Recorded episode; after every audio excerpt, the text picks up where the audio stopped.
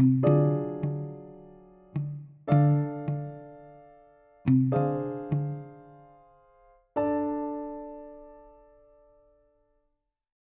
Sobat Randy, selamat pagi, selamat siang, selamat sore, selamat malam, dan selamat datang di R&D Talk.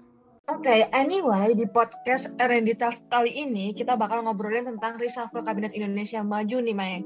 Sebelum masuk ke topik, kita perkenalan dulu kali ya, Kang, biar Sobat R&D ini nggak penasaran nih. Dan sebelumnya, kenalin nama aku nih Septiana dan partner ngobrol aku kali ini. Halo Sobat R&D, kenalin aku Michael Simatupang. Dan kita berdua nih bakal bincang-bincang seputar topik yang udah aku omongin tadi nih. Bener banget nih Ana. Ngomong-ngomong nih sebelum masuk ke topik, Gimana kabarnya anak? Uasnya aman kan ya? Alhamdulillah baik nih dan sejauh ini masih aman ya karena belum keluar nilainya nih. Kalau kabar kamu sendiri gimana nih Michael? Nah kalau aku sendiri puji Tuhan baik juga. Semoga nilai kita semua aman ya. Amin. Amin. Oke, okay, back to topic nih Sobat RND. Pasti tahu kan pelaksanaan reshuffle menteri yang dilakukan oleh Bapak Presiden kita nih, Bapak Joko Widodo. Dan reshuffle ini tuh udah dilaksanakan kemarin nih pada hari Rabu 15 Juni 2022 dengan mengangkat dua menteri dan tiga wakil menteri nih sekaligus. Menurut Michael dulu nih, gimana nih pendapat kamu tentang ini? Oke, okay. menurut aku adanya reshuffle ini pasti ada latar belakang sendiri nih. Mengapa sih harus sampai ada reshuffle? Nah, alasan-alasannya ada lima yang aku kutip dari Institute of Government dan di mana tujuan dari reshuffle itu diadakan. Yang pertama adalah melakukan manajemen partai dan kabinet. Seorang pemimpin dan politikus dapat membangun aliansi, memberikan penghargaan, dan memastikan seluruh faksi dalam partai menjadi perwakilan pemerintah. Yang kedua, ada manajemen kinerja reshuffle kabinet dapat menjadi kesempatan untuk melakukan evaluasi kinerja para menteri. Menteri dengan kinerja yang baik biasanya mendapatkan tanggung jawab lebih besar nih anak. Yang ketiga, menandai pergantian kebijakan. Adanya reshuffle kabinet menandakan adanya perubahan prioritas pemerintahan. Pemerintah berharap prioritas tercapai dengan mengganti para menteri. Yang keempat, melakukan penyegaran atau refreshing Penyegaran dilakukan dengan menarik sosok yang baru dan lebih muda dalam reshuffle kabinet. Tujuan ini biasanya ingin dicapai pemerintahan yang kurang populer. Yang kelima dan yang terakhir adalah ada peristiwa di luar kendali.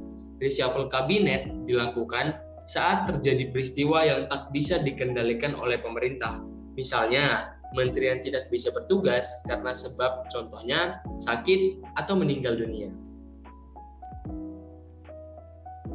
Nah, dari lima tujuan tadi, sepertinya presiden kita ingin melakukan penyegaran nih. Menurut kamu nih anak, mengingat kita dari jurusan keuangan, pasti akan ada nih sangkut pautnya dengan perdagangan, ekspor impor, dan sebagainya. Dan kebetulan menteri yang di reshuffle itu menteri perdagangan nih.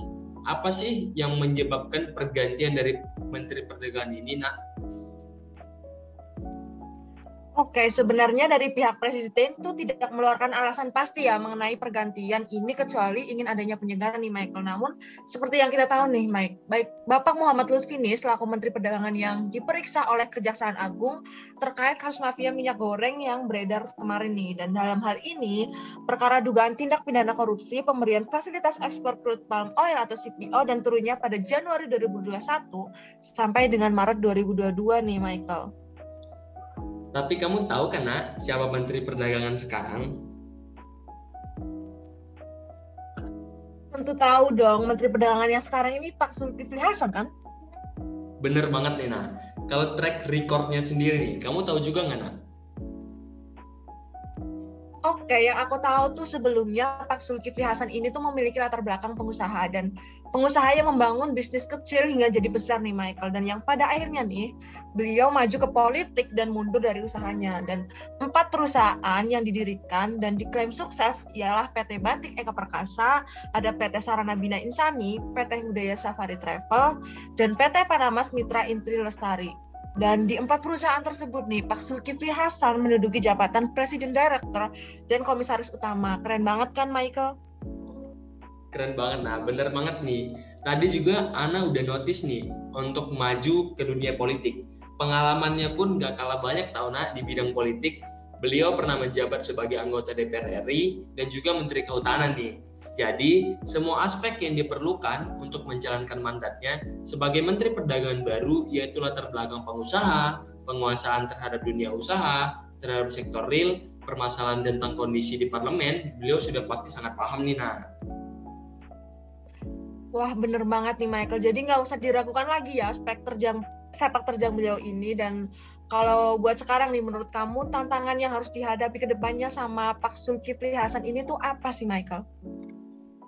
Nah, Pak Zulkifli Hasan sendiri dihadapkan dengan berbagai tantangan nih nah, sebagai Menteri Perdagangan yang baru. Di antaranya fokus mengurusi pangan, perdagangan, hingga ketersediaan pangan di dalam negeri. Selain itu, persoalan minyak goreng juga jadi salah satu tugas utama yang diharapkan bisa diselesaikan oleh Pak Zulkifli Hasan selaku Menteri Perdagangan yang baru. Ia pun berkomitmen minyak goreng curah dengan harga 14.000 per liter bisa sampai di tempat yang dituju dan diterima oleh masyarakat yang membutuhkan. Menyelesaikan masalah rantai distribusi pangan, khususnya minyak goreng. Lalu, melakukan pembersihan di internal Kementerian Perdagangan khususnya pejabat yang menangani izin ekspor impor pangan. Nah,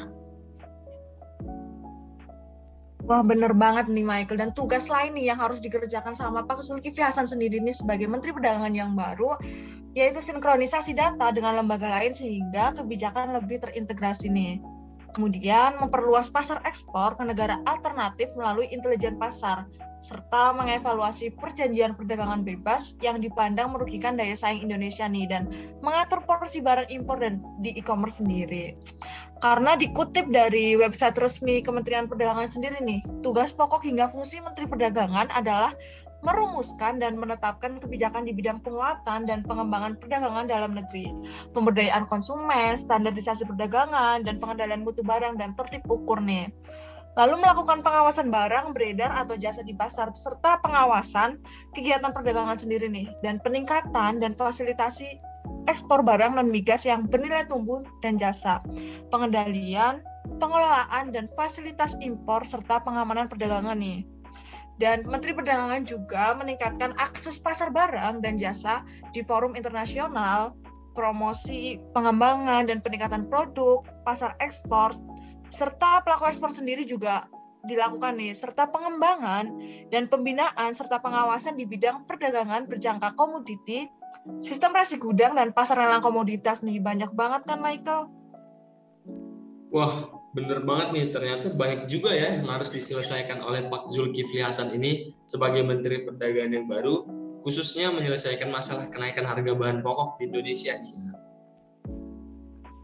Iya bener banget nih Michael. Semoga da dari adanya segitunya Pak Zulkifli Hasan nih bisa amanah ya buat mengemban tanggung jawabnya sebagai Menteri Perdagangan yang baru sampai akhir periode ini. Bener banget nih.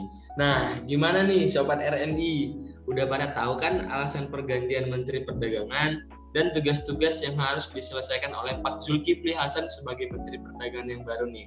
Kita doain semoga Kementerian Perdagangan bisa menjadi makin baik dengan adanya pergantian menteri. Amin, bener banget nih. Mungkin segitu dulu kali ya obrolan kita berdua kali ini. Dan buat sobat RND semuanya nih, selamat liburan akhir semester. Dan thank you yang udah dengerin podcast ini. Sampai jumpa.